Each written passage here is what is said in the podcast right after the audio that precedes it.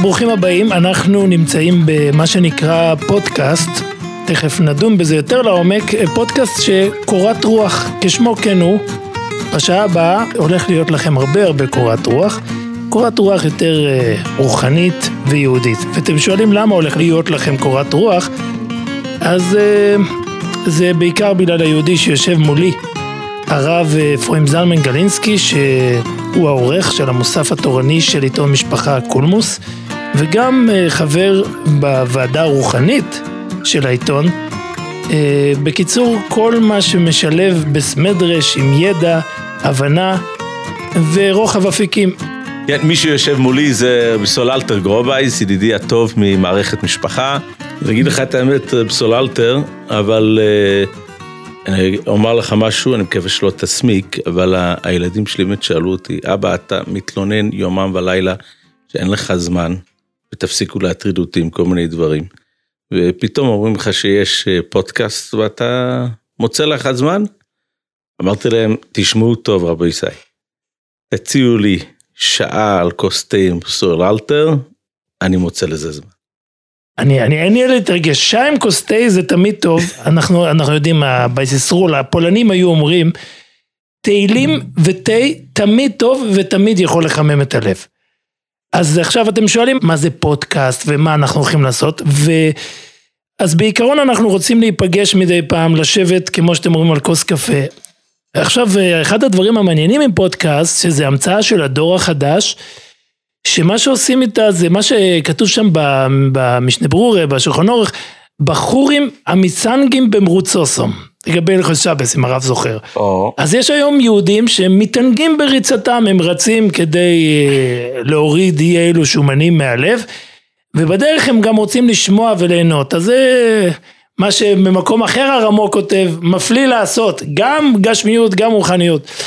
אז בעצם מפסיק לעבוד על עצמנו בסוללטר, זה, זה בעצם שיעורים מכל הלשון. פשוט במסגרת קצת יותר אה, קלילה ו... אז אנחנו למעשה, רגע, רגע לפני שאתם בורחים לנו, כי אנחנו הולכים להגיד לכם דברי תוירה, אז לא. אתה יודע, כתוב, אצל ליפורת מחבירוי. אל ליפורת ממנו לא בדבר המלוך.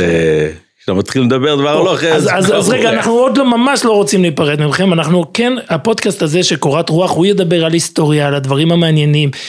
אה, אני אנסה להביא את הצד החסידי של התמונה, הרב גלינסקי יביא את הצד הלטאי, אבל תתפלאו שלא פעם... אבל בלי שאני קצת חוסיד, או. אני גדלתי בחצר של ריז'ן, של קפיצ'ניץ בארצות הברית, אבל זה, זה בדיוק... גדלתי בעולם הישיבות הליטאי. זה בדיוק מה שאני רציתי להוסיף, ש, שאנחנו לפעמים נהפוך את השיטה, ובואו הפעם הזאת, אתם יודעים, לפני שאנחנו מתחילים לדבר על היסטוריה, על מלחמות, על חצרות חסידיות ועל ישיבות, בואו דבר ראשון אני מציע שנדבר על המושג פודקאסט. המושג הזה הוא הרי, הוא הרי מוול על הרעיון. לפני, אנחנו חוזרים, אני לוקח אותך אחורה הרב גלינסקי למדינה שבה אתה נולדת וגדלת, ארצות הברית, אמריקה, the golden המדינה, מדינת הזהב. אה, חנוכה של תרל"ח. חנוכה של תרל"ח בראש חודש, בראש חודש טבת תרל"ח מגיע טיפוס בשם אה, תומאס אלווה אדיסון וממציא מכונה שנקראת הפונוגרף. המכונה הזאת היא בעצם, בוא נאמר, הסבא הרוחני של הפודקאסט. זאת אומרת, זה המכונת ההקלטה הראשונה, שהיא בעצם עושה אה, דבר מדהים, היא פשוט לוקחת דיבור שאנחנו מדברים, בדרך כלל כשאנחנו הורגלנו, כשאנחנו מדברים זה הבל פה, וזה אחרי כמה דקות נעלם. והיא פשוט מנציחה אותו. ואתה יכול לשמוע אותנו אחרי, אחרי דורות, אחרי שנים.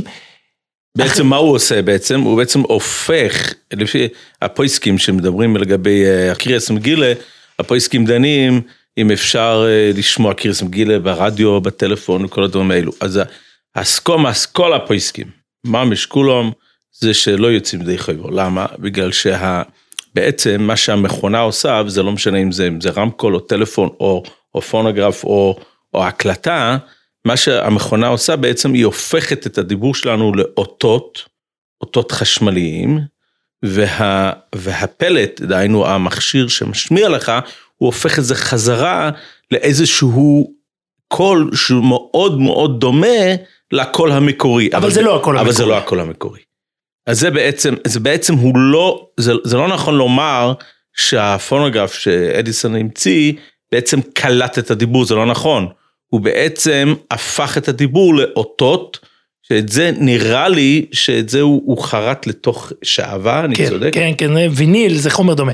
עכשיו, מה, מה, ש, מה שמעניין זה הרגע הזה של ההמצאה שלו, אה, יצר, הגיע, קודם כל אתה מסתכל במחברים, ב, ב, ב, בקצה השני של העולם, באירופה, פתאום הם שומעים על הפטנט הזה של החכם, הם קוראים לו אדיזון, והם, והם כותבים את זה עם עיינים והיים, כרגיל במחוזותינו, ואתה שם לב שיש איזה, יש, הם, הם לא יודעים איך לעכל את זה, קודם כל, איך ייתכן שבדור הזה שלנו, המאוחר, אה, הגיע מישהו והמציא המצאה שהחכמים הקדומים לא ידעו.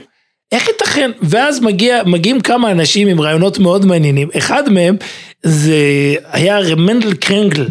הוא הוציא את, אה, את אה, שם הגדולים של החידו. כן. הוא הוציא את שם הגדולים מחדש והוא עשה בסוף הגאות שנקראות מנחם ציון. מה הוא היה בעצם? הוא היה, הוא היה יהודי, אני חושב פולני, גליצנר, הוא היה מעורב בכמה פולמוסים, יש ממנו הרבה ספרים. הוא היה מאוד מעורב בפולמוס שהיה אה, גרצ'קי, אני לא יודע איך אומרים את זה בעברית, היה בלאגן אה, סביב הנושא של העירוב בקרוקה, קרקוב. Mm-hmm. כיוון שקרקוב היה בה עמודי עירוב, ובאיזשהו שלב הורידו את העמודים, ועכשיו היו צריכים להסתמך היה אה, כמה רבנים שבאו והציעו שיסתמכו על הנהר, על הוויסל, הוויסלה. והוא שלל את היתר, הוא הוציא על זה כמה ספרים. בכל אופן, אחד הדברים שאני ראיתי, עשיתי, אתה יודע, עשיתי חיפוש על השם החכם אדיסון, ואני רואה שהוא כותב, הוא כותב, אגב אורחה אמרתי להעתיק כאן מה שהשבתי לאחד שהיה מתלוצץ בחז"ל, ברגע שגילו את מכונת הפונוגרף על ידי החכם אדיסון, אז הוא אמר, אתה רואה? הנה, יש פה דברים שחז"ל לא ידעו. אז אני אמרתי לו באותו רגע, אדרבה, בוא אני אראה לך שכבר חז"ל מדברים על הקלטה. ואז הוא מביא מדרש, את המדרש המפורסם, שלשלמה המלך היה שש מדרגות לכיסא שלו. וכשהיה עולה, על כל מדרגה שהוא היה עולה, אז כל מדרגה הייתה מכוונת כנגד אחד משש המצוות המיוחדות שיש למלך. כל מדרגה שהוא היה עולה, אז היה נשמע קול וכרוז מכריז, לא ירבה לו נשים, ככה, לא ירבה לו סוסים. אומר, אומר הרב קרנגל, מדרש פליאה. אומר הרב קרנגל, אבל איך ייתכן, מה זה הכרוז הזה? אומר, הנה לנו, לשלמה המלך כבר הייתה הקלטה. אבל זה, זה, זה... חידשת לי משהו, סוללת. אבל אני רוצה, לפני שאנחנו ממשיכים, חמי, כמה דקות על הטיפוס הזה שנקרא אדיסון. כי אני חושב שאנחנו צריכים ללמוד ממנו. יש המון המון מה ללמוד ממנו, כי uh, הוא נחשב הממציא אולי הגדול בכל הזמנים, ואולי הכי מעניין בכל הזמנים. עכשיו, הוא, הוא הסתכל פעם, אתה יודע, אני ראיתי פעם משפט שהוא כתב, הוא הסתכל על, ה, על הפונוגרף, והוא אמר, זה התינוק שלי, בטח באנגלית אה, זה נשמע אחרת, זה התינוק שלי, אני מקווה שהוא יגדל יפה, יהיה לבחור גדול, ויתמוך בי בזקנותי. הוא הבין שזה הולך לעשות כסף גדול. השיינה פרנוסה. כן. עכשיו, מה, ש, מה שהסיפור איתו היה, וזה מסר מאוד מעניין, הוא ניסה, ההמצאות שלו לא באו, זה לא בא באיינפלים, מה שקוראים בעולם הישיבות, זה לא בא בהבלחות. הוא ישב וניסה ושרף מיליונים בניסויים. נכשל ונכשל ונכשל. בדיוק, בדיוק. היום יש איזושהי תזה בעולם העסקים, ש, ש, שדווקא הכישלונות הם המנועים הגדולים להצלחה. יש כל מיני אנשים שמדברים על זה, על איך שהם אה, צמחו מתוך הכישלונות שלהם. הוא אמר פעם, אם, מצאת, אם מצאתי אלף דרכים שלא עובדות, לא נכשלתי. כל ניסיון שכשל הוא עוד צעד קדימה. זאת אומרת, זה היה זה. עכשיו, מה ש... כמו, כמו כל טיפוס אמריקאי, ותסלח לי אם אני קצת מדבר לא יפה על המדינה שלכם, הוא בעיקר עבד, הוא בעיקר מה שהיה חשוב לו זה ה... הכסף שבסוף יגיע מזה. אה, אגב, יש הקלטה ממנו, oh. ואנחנו נשמיע את זה עכשיו, הקלטה, תשאל, שאלת את עצמך, ואני באמת שואל את עצמי, מה, כשנותנים לך מכונה, וזה בעצם השאלה, וזה בעצם הפודקאסט שאליו התכנסנו. נותנים לנו פודקאסט. מה אתה הולך לעשות עם זה? מה חנוכה סבייס? מה, מה הפסוק הראשון שאתה אומר? מה היסוד היסוידס ועמוד החוכמה? איזה פתיח אתה עושה? אז הטיפוס הזה עשה הקלטה של איזה שיר ילדים באנגלית, שאני לא בדיוק יודע, אתם ודאי תדעו לומר את אה, שמו. ולפענח אותו, זה משהו על ילדה שהייתה לה כבשה ועניינים כאלו. ויש לי, אני... Mary had a little lamb. כן, יפה. בדיוק, בדיוק. זה אחד מהשירי ערש של האמריקאים. למרי הייתה כבשה קטנה, כן. אז למרי הייתה כבשה קטנה, וזה השיר הראשון שהוקלט בעולם. עכשיו, אנ- אנחנו עכשיו נשמיע את ההקלטה הזאת. the original phonograph. A little piece of practical poetry. הנה, כמו ששמעת, אה, אדיסון בקולו אומר ש... שזאת ההקלטה הראשונה, אבל כמו אמריקאי טוב, וכמו, הנה, הנה השקר הראשון של ההקלטה, כי בעצם ההקלטה היא שקר. בעצם ההקלטה גורמת לך שאתה יכול לשבת איתי עכשיו פה ולשמוע הקלטה של סיידרנחט מה- מהאמרי חיים. בוא לא נדבר על זה הלוך עדיק, אבל אני אומר לך שיש הקלטה כזאת, ואני. שמעתי, כן. ויש גם הקלטה מתפילות יום כיפר בסמדרש מאוד גדול בירושלים, שאני מכיר אישית, וכולי וכולי. עכשיו, אז בהקלטה יש שקר, והכי מצחיק שאדיסון עצמו למעשה, בהקלטה ששמענו עכשיו, שהוא הוא מתיימר לומר, אני, אומר, אני הולך עכשיו להקליט את ההקלטה הראשונה, זה שקר, כי זה הקלטה, ההקלטה הראשונה נאבדה, והוא למעשה שחזר את זה. אבל אתה יודע, הוא השאיר לנו הקלטה יפה. וזה נחמד. עוד דבר חשוב שצריך לדעת על אדיסון, זה שאדיסון הוא כולוי פייק, מה שקוראים ב- באמריקאית, משום שגם את אדיסון היה מישהו שהמציא, אני כתבתי על זה לא מזמן. היה טיפוס אמריקאי שקראו לו אדוארד ברנז. אוקיי. הוא היה נכד של רבי יצחק ברנס, הרב של פרנקפורט. אוקיי, אולי של המבורג, אני כבר מתבלבל, אבל אצל היקס אה, כן. אני כבר לא שולט איך הם מחלקים ביניהם את הקהילות. אבא שלו היה רב, ואנחנו צריכים פעם לייחד את הדיבור עליו. מה שהיה מעניין, שהוא היה האיש הראשון בעולם שידע לעשות יחסי ציבור. הוא היה אחיין של עוד יהודי, גם יקה, שעונה לשם זיגמונד פרויד. מה אתם יודעים על זיגמונד פרויד? פסיכולוג ה... זהו, וחסידים אומרים שהרש"פ פגש אותו, כי הרבי הרש"פ מלובביץ'. אז אה, זה, זה בעיניי מה שחשוב. בכל אופן, אה, אגב, הר- הרב הוטנר אמר שמכל הכפירס בעולם, הכפירה האחרונה שנשארה, זה הכפירה ביכולת של הבן אדם לשלוט על עצמו. שזה למעשה פרויד. שזה למעשה פרויד. זאת אומרת, הכפירה בבחירה, זה שזה מדהים. שזה מדהים. וזה אומרת, זה סוף, זה פסגת הכפירה. זאת אומרת, התחושה היום שבן אדם למעשה לא יכול לשלוט ולא יכול לעשות את הכל, זה, זה מוות על הרעיון. בכל אופן, אתה, אתה לאחרונה כתבת מאמר נפלא על אה, פרופסור הרב האדמו"ר אה, אברום ישוע אשל טברסקי. כן, זה בעצם מה שהוא בא לתקן בעולם, לתת לבן אדם את הכוחות, אתה כן מסוגל, אתה כן יכול. ואם אתה רוצה, אני אגיד לך דבר נפלא מאוד. אה, אבא שלי היה מביא, אבא שלי היה לו ישיבה לאמריקאים בשלבים, הוא היה מביא אותו תמיד באישן הרבה, אה, לדבר בפני הבחורים, לפנות. בוקר, הרב טברסקי, לפנות בוקר. יום אחד אבא שלי חזר והוא אומר לי, תשמע משהו מדהים שהרב טברסקי אמר להם. הוא אומר להם, הוא הרי כמובן אמר להם שהדבר הכי חשוב זה הדימוי העצמי החיובי וכולי וכולי. וכמובן שאלו אותו את השאלה המתבקשת, שזה לכאורה זה סטירה ל- ל- לאמיץ ולהיות און אוף. זה, זה גייבה. דימוי עצמי חיובי זה גייבה. דימוי עצמי חיובי הוא לכאורה, הוא לכאורה גייבה. גייבה זה בתרגום לעברית גאווה, כן? כן. יש כאלה שלא יודעים, אני פעם ראיתי אותם. אז, אה, אז, אז הרב טברסקי אמר, יש לי ראיה שאין עליה תשובה, שזה לא סתיר. מה הראיה? הוא אומר, אם היינו רוצים לדמיין לעצמנו מי היה הענב הכי גדול בתרס האחרונים, סתום היינו בוכים בחופץ חיים.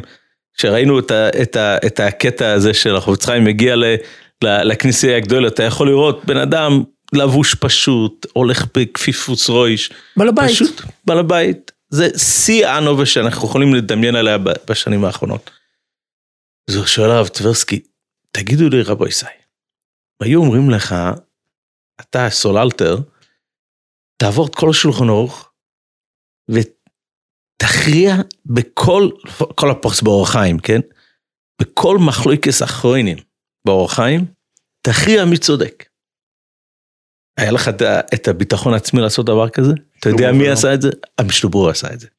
אותו אונוב חופץ חיים, שהוא שיא הנובה, הדוגמה של הנובה שלנו, הוא ישב והכריע בכל הלוכה בשולחנו אור חיים, והכריע מה הדרך לנהוג.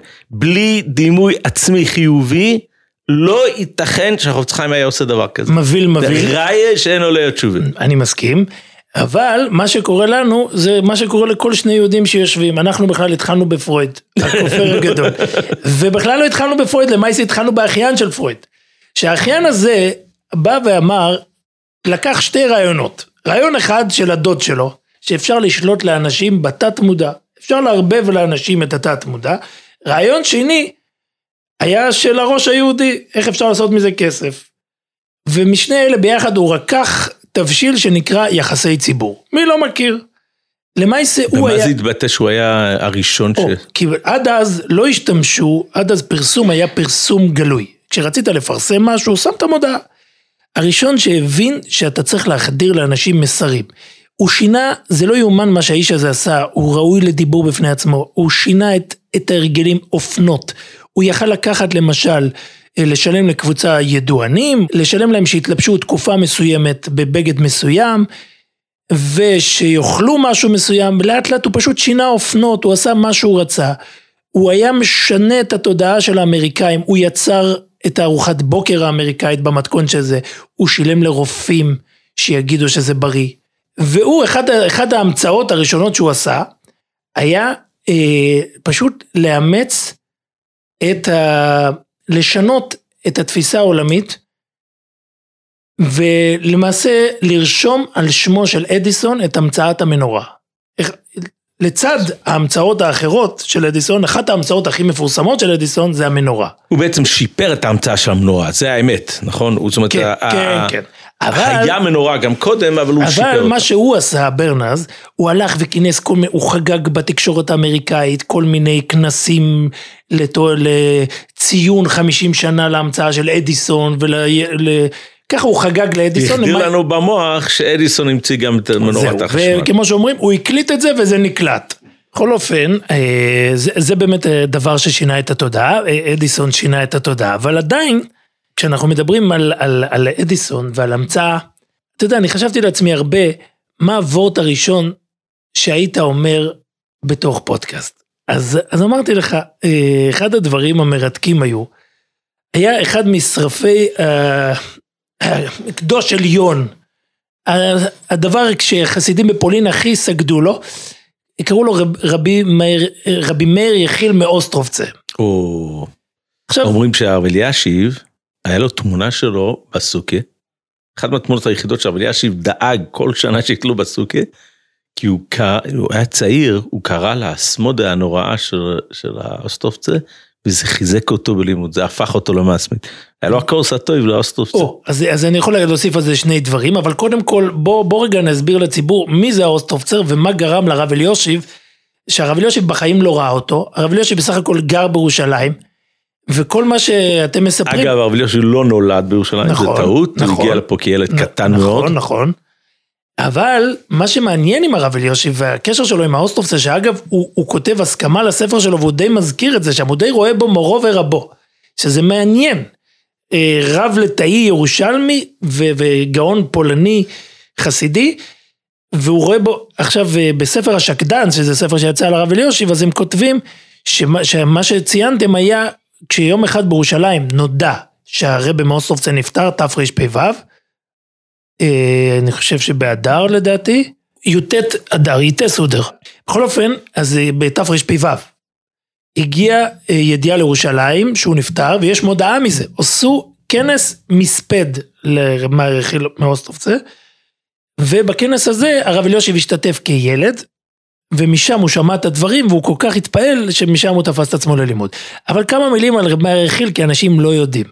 אז חבל, תעשו מה שאתם יכולים בשביל להשיג תמונה של היהודי הזה, קודם כל לראות אותו מול העיניים. היהודי נראה, אה, חוץ מהפנים המהירות שלו, הוא נראה עור ועצמות. וחסידים ראו בו, אה, חסידים היו מספרים כמה דברים. א', הוא צם 40 שנה מחייו. 40 שנה רצופות, אנחנו בקושי מסוגלים להגיד את זה. אה, זאת אומרת, צם, אה, מה שנקרא תענית הפסקה. צם היה אוכל מעט בלילות, בעיקר בשבתות. זאת אומרת, מזריחה עד, עד, עד אה, שעות מאוחרות בלילה. עד שעות מאוחרות בלילה. והוא היה נראה ממש עור ועצמות, ואמרו, יודעים מה הסיבה שהוא צם? אז יש כל מיני השערות למה הוא צם. ההשערה הכי בולטת, הוא אמר שהוא רואה שהולך להגיע כליון ליהדות אירופה. 16, אה, הוא נפטר 16 שנים לפני. וכמו שהגמרא מספרת, היה רבי צדוק רק צודק, כן. לפני החורבן, החורבן, 40 שנה לפני לפני החורבן. הוא צם 40 שנה. ורמי ירחיל מאוסטרופצה גם צם 40 שנה. עכשיו, מה שיותר מעניין ברמי ירחיל, היה הראש העילוי שהיה לו. זאת אומרת, אם יש אתה... לו דברי טרם, חשבונות או, מתמטיים. או, או, זה כאלו, בדיוק. זה בדיוק. הדבר המרתק הוא שאתה קורא את זה, זה כמעט ספר יחיד, אני אגב קניתי את הספר הזה לפני כמה שנים בכסף מלא ובפולניה לא עושים את זה, זה עלה 180 שקל, שלושה כרכים שנקראים מאיר עיני חכמים, בשנים האחרונות יצאו עוד, עוד ספרים, אבל הספר העיקרי הוא מאיר עיני חכמים, ואחת התופעות שתראה שם שלא תמצא בספר תורני אחר, זה פתאום אתה מזהה באמצע, באמצע הדיבור על, אה, על יבומס, חידושים, אתה מזהה אה, תרגיל בחשבון. זאת אומרת, אה, 355 אלף כפול 4,700, אם- וזה, וזה עשוי, זה כתוב במספרים, בתרגיל מאונח, זאת אומרת, אה, כפול, כמו שהיינו כותבים בכיתה כשעוד למדו ליבה. אז, אה, וממש ככה, כי אין דרך אחרת לחשב את החשבונות שלו. הוא למשל יושב, ונניח שכתוב במדרש, שבשכר ש, ש, שאברהם אבינו אמר ייקח נא מעט מים, אז היה לבני ישראל במדבר 40 שנה מים. הולך הרב מאוסטרובצה ו- ופותח כזה חשבון. כמה זה מעט מים? כמה יהודי שותה ביום? הוא מביא איזה גמרא, נניח יהודי חייב לשתות כך וכך רביעיות ביום, הוא מכפיל את זה ב-40 שנה של המדבר, הוא מכפיל את זה ב-60 ריבו איש, ואז הוא מתחיל לעשות את החשבונות. עכשיו, אלה שמתארים, היו אומרים שהוא היה עומד ומדבר, הוא מעולם לא, לא נעצר לרגע לחשבן את זה. הוא היה יושב ומדבר במהירות, ודבריו, אגב, זה אחד המאפיינים ששיטת הלימוד של אוסטרובצה, אם אפשר לקרוא לזה שיטה, זה הרי היה הפך השיטה. זאת אומרת, זו הייתה גאונות מתפרצת, ש, שנשפכת ו, ומעניין. לא זה מה שחיזק את הרב אליושים, סתם. כן. מה שחיזק את הרב אליושיב זה השקדנות. ויש עוד פרט אחד שאצל חסידים הוא משמעותי, שרב מאיר חיל לא מגיע משושלת חסידית. או, זה אבא שלו היה אדם פשוט. אבא שלו ככה, היה כן. אדם פשוט, היה אופה. או. פעם הוא ישב, סיפרו שהוא פעם ישב באספת אדמו"רים, ואחד התחיל להגיד, אה, אדמו"ר אחד לידו אמר, אבא היה אומר, אבא זיכרונו לברכה היה אומר ככה וזה. והוא אמר, אבא זיכרונו לברכה היה אומר, תנור שרוצים שיהיה, שיהיה חם צריך לסגור אותו, שלא יצא ממנו העשן. זה ככה הוא היה אומר. בכל אופן, ב- באחד השנים הגיע טלפון, המצאת הטלפון, שזה לא אדיסון למזלנו, טיפוס אחר בשם... אלכסנדר גרהם בל. אני למשל לא יודע איך הם אלכסנדר, אני יודע אלכסנדר, וגם עליהם צריכים פעם לדבר אלכסנדר ועל הקשרים שלהם איתנו עם גר. אבל, אבל, מה ש... ואנחנו, על הכל צריך לדבר, זה רק שאלה כמה זמן הם ישרדו עם הפודקאסטים. אז הביאו את ההמצאה הזאת של הטלפון לאוסטרובצה, קבוצת חסידים גדולה, והרבה הזה שמופרש מכל העולם, מובדל, לוקח את, ה, את הטלפון ומתקשרים לאיזה חסיד שגר רחוק, ואומרים לרבה שידבר. והרבה הולך להגיד את הדיבור הראשון שלו, לחנוך טלפון, ואתה שואל את עצמך איך חונכים טלפון. ואז הרבה מאוסטרובצה כדרכו על המקום, כל דבר הזכיר לו חז"ל או משהו. ואז הוא אומר וורט אה, למדני, הוא לא וורט קשה, אז אני, מי, ש, מי שעכשיו רץ חזק, שיכול להמשיך ל- ל- לרוץ ולא להתרכז לכמה דקות. מה שהוא אומר, הגמרא אומרת שאבא, שבמצוות כיבוד אב ואם כתוב איש אמו ואביו תיראו, וזה מופיע לעד ואת שבתותיי תשמורו. יש סמיכות לכיבוד אב ושמירת שגם שבת. אם אביך אומר לך לחלל את שאם השבת, ה- אם אבא שלך אומר לך לחלל שבת, אתה לא חייב לחלל שבת. כל הרישיונים כולם שואלים, מה זאת אומרת? ברגע שאבא שלך אומר לך לחלל שבת, לא צריך לימוד מיוחד, זה אבא שלא חייבים בכבודו.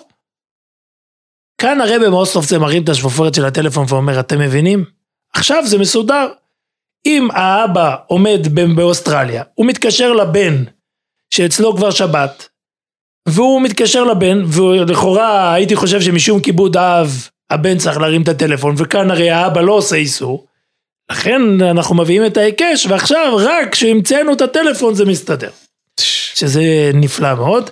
זה רק בשביל אתה, לעבור... מז... אתה מזכיר לי שכשהייתי נער צעיר, אז אה, השתתפתי ב...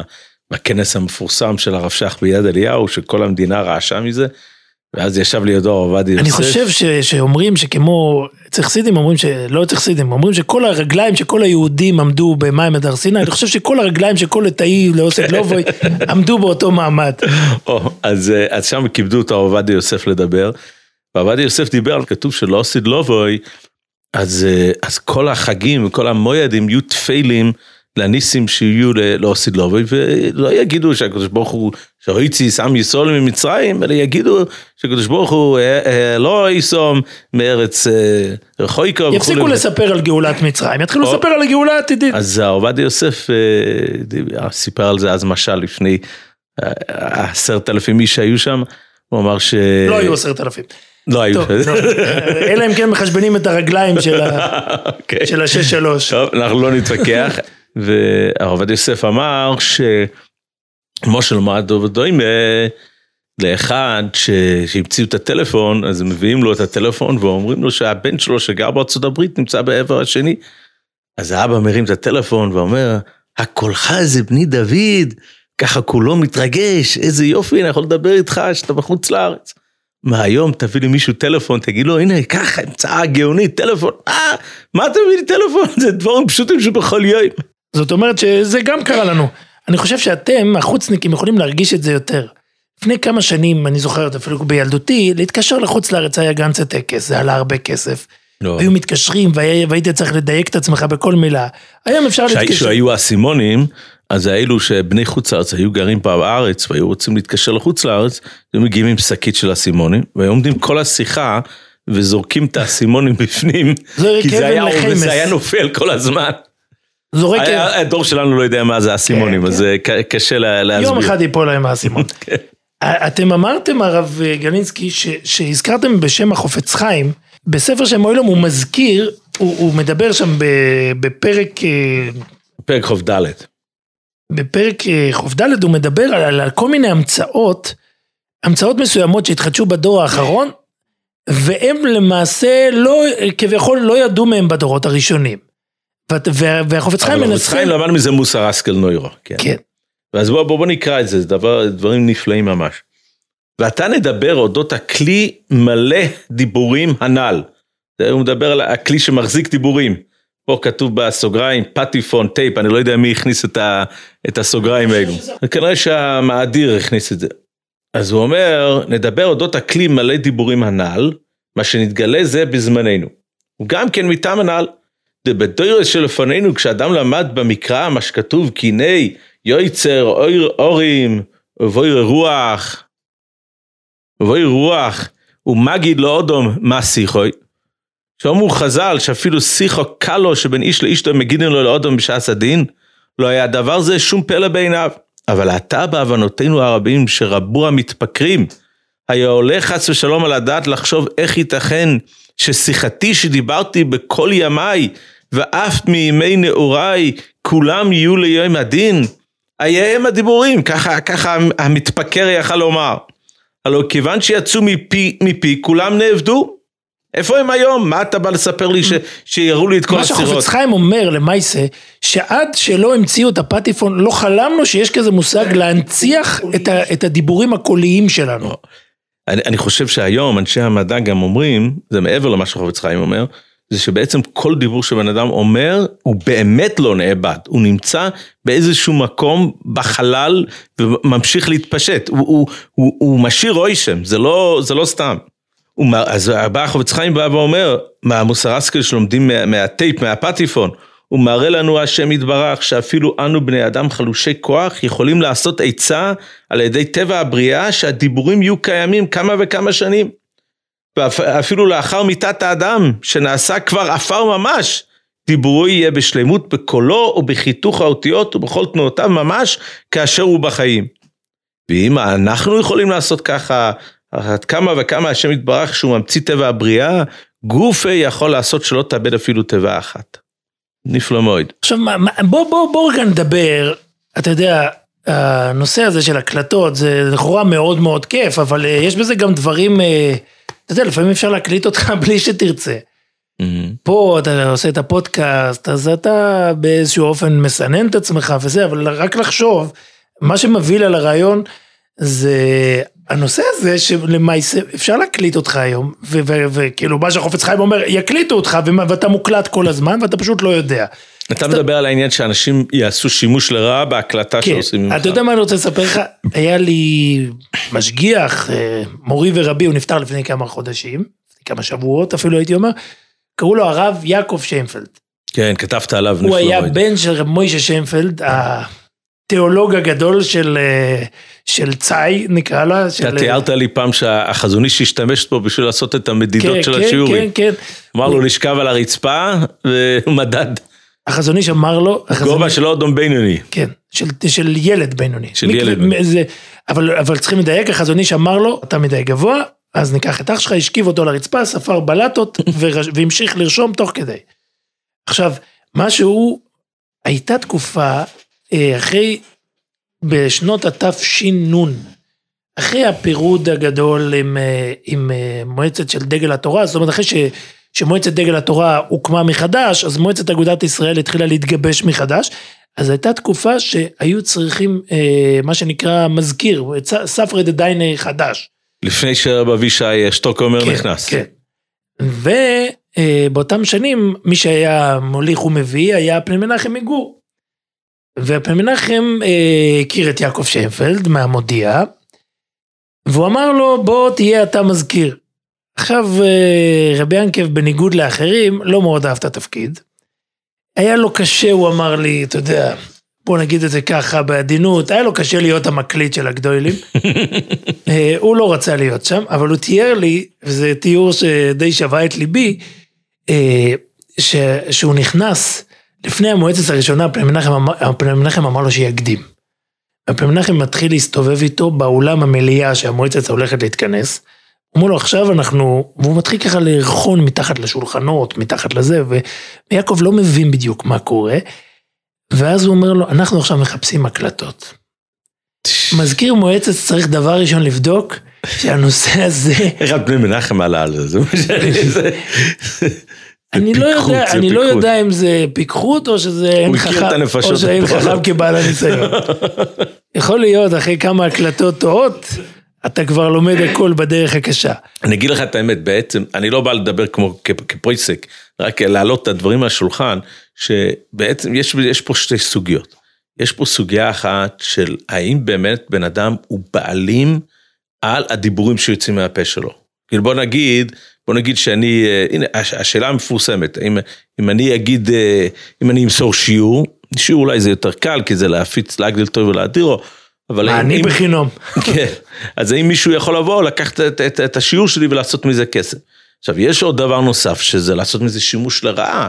שימוש לרעה זה לא צריך איזה חידושים גדולים, כי, כי כל דבר, אפילו אם בן אדם קוירץ בעינו או משהו כזה, בשביל לגרום לזלזול במישהו, אז זה, זה כבר בגדר הרע, על זה לא צריך הרבה, הרבה חידושים. בן אדם שמקליט בן אדם שלא ברשות ומוציא את זה לרבים, זה, זה הלשון הרע הכי גדול שיכול להיות.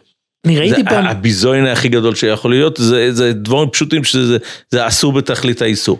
אבל לגבי באמת הבעלות של הבן אדם, יש חידוש גדול שהרב אלישיב אמר לגבי אם, אם מותר לבן אדם ללכת ברחוב ולראות את הרב אלישיב ולצלם אותו ולעשות זה מזה כסף. לחשוב, הרב אלישיב אמר הפנים שלי זה רשות שערה בן גמורה, אין לי שום זכות למנוע מהבן אדם, עוד פעם, אם הוא לא עושה איזה שימוש הוגן, לא שהוא תופס אותי במצב מביך, אבל אם זה מצב נורמלי, אין לי שום זכות, זה חידוש גדול, אנשים לא יודעים את זה. אין לי שום, אני חושב שזה להפך מה שהאו"ם הסוהילום חושבים בנושא הזה, אבל לי אין שום זכות בפנים שלי, הפנים שלי זה רשות שערה בן גמורה. אני כן הייתי, אני כן ראיתי באיזה מקום שיש דיון, אה, מונח, ניסיון לתבוע מונח חדש שנקרא כמו שיש עזק ראייה, לעשות עזק שמיעה. זאת אומרת כמו שאתה לא יכול, להסת... כמו שאני יכול לתבוע אותך אם הסתכלת על אה, מחוזות שלי פרטיים, אני יכול גם לתבוע אותך על אם האזנת ל... להלוך, בהלוכה שלנו, אני לא יודע עם איזה קראי, אני יכול למנוע, אני יכול לגרום לך למנוע איזה קריאה, אבל אני כן. לא חושב שאני יכול לתבוע ממך, עשית לי איזה קריאה ולתבוע על זה כסף, לא נראה לי. כל מראה וריח, אין בו, אין בו ממש. אוקיי, לא נראה בוא- לי שזה, בוא- שיש בוא- על זה בוא- בוא מקום רגע לצבי. נשים סיוג, אה, אין אה, לסמוך על הדברים, להלוך כן, למעשה, כמו שכותבים רק בספורט. להעלות את הדברים אה, על כן. שולחן מלוכים. בדיוק, ויהודים תמיד מעלים. זה לחשוב כמה, כמה, בעצם גם דברים טובים קרו מההקלטות, כמה תורה למעשה התרבתה בעולם. על זה שאין שום סופק, שום סופק שבאוילום זה... אני חושב שהליטבי של ראש שיבס היו הראשונים שעשו בזה שימוש, התחילו להגיד שיעורים בהקלטות. מה שאני מנסה להיזכר, קודם כל שהייתי בחור בישיבה בחברון לפני אה, אה, בסביבות ארבע, אה, לפני 30, 35 שנה, קצת פחות, אז מישהו, אחד מהראשיבס אמר, אני לא רוצה להגיד את שמו בגלל שאני לא יודע אם הוא עומד מאחורי הדברים, אבל הוא אמר שכמה שידוע לו, יש הקלטה מהבוכבר, לא מהשיעורים שהוא נתן בקמיניץ, היה התקופה שהבוכבר נסע לארה"ב למסע גיוס כספים, אומרים שיש פטיפון, יש פונוגרף מהבוכבר. אני אף פעם לא שמעתי את התוכן וואו. של הדברים האלו, אבל מה שברור לנו שיש, זה שמעתי מצעירותי, ודאי ש, שלאבא שלי היה בבית את, ה, את הסלילים האלו, שהיית, הקלטות הראשונות. כן, אה, הגדולות. כן, היית צריך אה, ככה למתוח את, ה, את, ה, את החוט ו... ולכרוך אותו לכרוך מסביב. אותו מסביב לסליל אחר. זה היה אז הנאום של, של הברן קוטלר על המכוה שהוא עשה על הפגיעה בבריסקרוב, בסיפור של היכל שלוימוי, אז אה, אומרים שהרב מימון אני חושב דיבר משהו על הבריסקרוב, ואף על פי שהבריסקרוב לא רצה שיעשו, אבל בארצות הברית או שלא שמעו מהבקשה של הבריסקרוב, או שלא התחשבו בזה, אבל הברן קוטלר עשה אה, מכוה על זה, ו... ואני זוכר את הקוילס וברוקים ששמעתי מהברן קוטלר בא- באותה הקלטה, ומה שמאוד מאוד מפורסם זה שהיה בחור אמריקאי בשם הרב אליהו שלוסברג, שהגיע ללמוד בכפר חסידים, ועם הסלילים האלו הצליח להקליט אה, עשרות, אני חושב, שיחות של רבי אלופיאן, שזה דבר נפלא מאוד. שיש שיחות האלה עד יצאו. היום. אה? שיחות האלה יצאו? כן, יצאו, יצאו בהקלטות ובכסובים, זה, זה היה באמת מתנה נפלאה. אבל... אה, לנו יש הקלטה קצרה יותר וקדומה יותר, וזה למעשה הסרטה מאוד מאוד מפורסמת של המונקצ'ר. של המונקצ'ר, על שבס, שהוא מדבר על שבס. Shabbos sucht aber, aber, Teuses vermedrisch, Shabbos sucht eine. So hat ich kein Digme.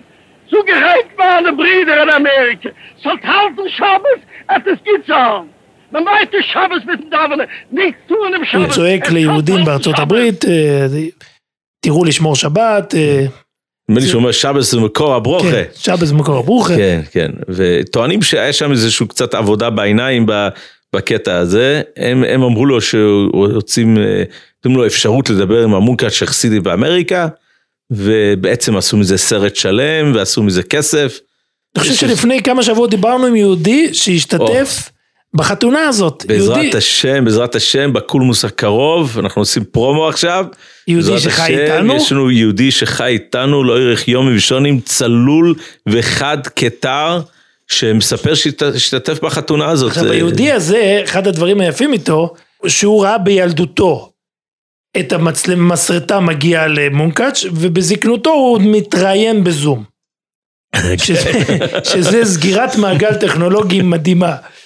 כן, בהחלט. אז זה באמת הסרטה המאוד מאוד מפורסמת. זה... ושם יש לנו את הקול, זאת אומרת, כן. אתה מנסה לחשוב, אם היה לנו את הקול של רבי עקיבא וזה, אתה יודע, זה, זה, כן. אבל אה, זה יש לנו מהדורות האחרונים, לנו יש, הראשון שיש לנו בשושלת זה הבית ישראל, שזה כמה הקלטות, כן. הקלטות שומעים כמה שהוא מדבר מהר. ועד היום אתה חוטף כזה צמרמורת בלב כשאתה שומע. רק לראות תמונה של הבית ישראל זה זה כן, לתפוס אה, צמרמורת. ויש יש מימרי חיים אני חושב, מבל זרוב לדעתי אין, לא מה שלי ידוע. וההקלטה היהודית הכי קדומה, שגם הכי מענגת, ההקלטה, לא יודע אם אפשר לקרוא לה יהודית, אבל אה, יוסלה רוזנבלט. ויוסלה רוזנבלט, תתפלא, אם אנחנו נחזור למה שהתחלנו, יוסלה רוזנבלט פגש את תומאס אדיסון, ותומאס אדיסון כל כך התפעל מקולו, שהוא ביקש להקליט אותו. מה אתה אומר? והתקליטים הראשונים בסביבות אה, תופרי סמך, שם אלה, יצאו בחברה של אדיסון. מה אתה אומר? אז מי שאוהב את והוא רחום וזה, שידע שהכל בזכות, זאת אומרת, רק לחשוב מה היה קורה אתה יודע, אני פתאום חושב עכשיו, תוך כדי שאני מדבר איתך, הגמרא מספרת על אה, משפחת בן קמצור, שהם לא רצו לגלות את הסוד של הניגון. אם היה היום והיה הקלטה, היו אומרים להם, אל תגלו. לא צריכים אתכם. היו מסתדרים, אבל... אה, אתה דיברת על, ה, על, ה, על הדברים הטובים שיצאו מההקלטות, אז אה, אני רוצה, אם יש לי זמן, יש לי זמן אה, לספר. כל הזמן שבעולם. או, דבר שיש בזה חיזוק, חיזוק גדול באמת, זה חיזוק. אנשים אומרים, כל מאן דאוביד, רחמון תו עוביד, אז אנשים חושבים, כן, סתום יהיה איזה, איזה, איזה תועלת מגם דבר רע שקרה, אבל אני רוצה לספר לך סיפור שפרסמתי אותו בעבר, באחד מהכתבות במגזין, על, אה, אולי זו הכתבה הראשונה שהתחלתי לכתוב על דמויות במגזין, על אביגדור מילר. יש שם סיפור ממש מופלא בייסר, נותן חיזוק גדול, איך שבן אדם עושה מאמצים ברוכניאס, והוא לא יודע, הוא לא יודע מה, מה תכלית המעשים, הוא לא יודע מה יצא מזה. יחד מגדולי בעלי המוסר, ה איידעם של האלתר מסלבודקה, שקוראים לו רב אייזיק שר. שהאלתר מסלבודקה עלה לארץ עם משה מרדכי אפשטיין. האלתר, אני עוזר, אני עוזר לדוברי עברית, זה הזקן. אז הסבא מסלבודקה. לי קוראים אלתר, וזה עלול לבלבל. אה, היה הסבא רב נוסן צבי פינקל מסלבודקה. מסלבודקה, כן. הוא, כשהוא הוא בעצם ייסד את ישיבת סלבודקה בחוץ לארץ, ועלה במשך השנים, אה, בסביבות שנות ה-20 של המאה הקודמת, נסע לחברון ביחד עם מרדכי אפשטיין ורב חצקל סרנה. ונשארה קבוצה קטנה של, של בחורים בהסלבודקה המקורית, בהנהגתם של רבי איזיק שר, החתן של, של, של הסבא מסלבודקה, ורב אברום גוזינסקי שהיה המשגיח. עכשיו, הגיעו מים עד נפש, לא היה פרנוסה, לא היה תמיכה, ורבי איזיק שר החליט שהוא נוסע לארה"ב למסע של גיוס כספים, והוא מגיע לארה"ב והוא נכשל כישלון חרוץ. הוא לא, אני לא יודע אם אפילו הצליח לאסוף כסף בשביל לכסות את, את הכרטיס נסיעה שלו חזרה ל, ל, ל, לאירופה. ו, וכשהוא מגיע חזרה לאירופה, שלום תונו, הבאת כסף? הוא אמר, לא, הבאתי יהלומים. מה הוא התכוון הבאתי יהלומים? כשהוא הגיע לניו יורק, אז בזמן השהות שלו בניו יורק, אז החברים שלו שם, הסלבודקרס, הם דאגו לו שיהיה קבוצה של בחורים שישמעו ממנו מוסר וזה. והיה קבוצה חשובה מאוד של בחורים, ושתיים מהבחורים הוא לקח, הוא לקח אותם איתו חזרה לסלבודקה. אחד מהם היה רבי אביגדור מילר, ואביגדור מילר ישב שם כמה שנים, נדמה לי שאפילו הוא התחתן שם, אחר כך חזר לארה"ב. ובאביגדור מילר יום אחד, אה, הוא כיהן כמשגיח בחיים ברלין תקופה קצרה, ואז הוא היה רב בית כנסת קטנצ'יק, ראיתי תמונות של זה ממש קטן מימדים מהבית כנסת שלו.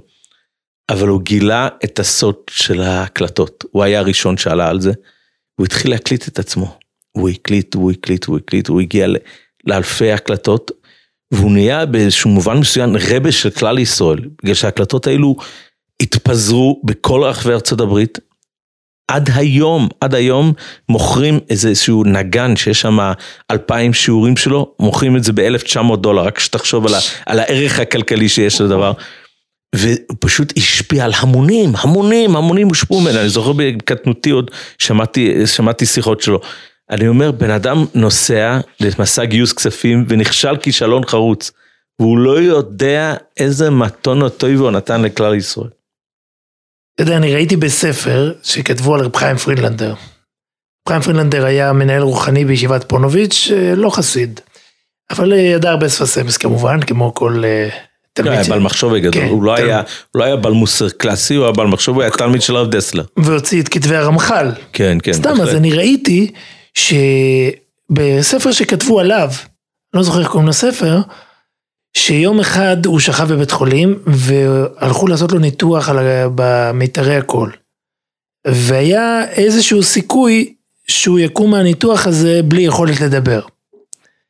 אתה יודע, אני תמיד חושב לעצמי, מה אני הייתי עושה, אתה יודע, אני...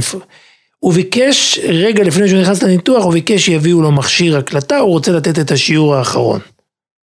ככה ראיתי בספרו. Mm. זאת אומרת, אה, זה מדהים, אבל יש היום אפשרות לשמר, לשמר את הכל. למען אשר יצא ואתה יודע, בקוילוי, בקוילוי במארב.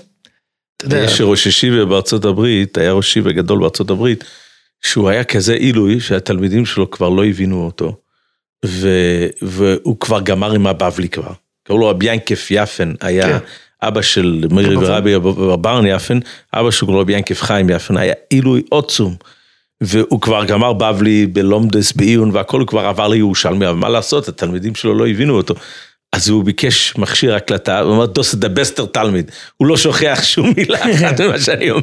איך הגמרא כותבת? קלוטה כמי שהונחה. אז אתה יודע, אני, אני מרגיש שהמכשיר פה שקולט אותנו יכול עוד לקלוט ולקלוט ולקלוט. הבעיה שאני לא בטוח שלאלה ששומעים אותנו יש כבר סבלנות. או, אבל מה שאנחנו צריכים להגיד להם, שכל מה שהיה עד עכשיו זה רק טעימה, רק אתם יודעים, שאם כבר עושים אה, חנוכה זה הפודקאסט, אז מדברים דברי טוירו. ב- בפרקים הבאים אנחנו נעשה קורס רוח מסוג אחר, אנחנו נ- נדלל קצת את העניינים התורניים, אה, כדי להקל גם על מי שפחות מורגל ב... ב- יותר על דמויות ועל מאורעות. דמויות ומאורעות, ואתם פשוט חייבים את זה לעצמכם, קוירס רוח. נעים מאוד. פסול אלתר, כמובן, ש"ס כועס רוח עם אוי פסול הרב. גלנסקי, זה, זה לא יכול להיות יותר טוב מזה.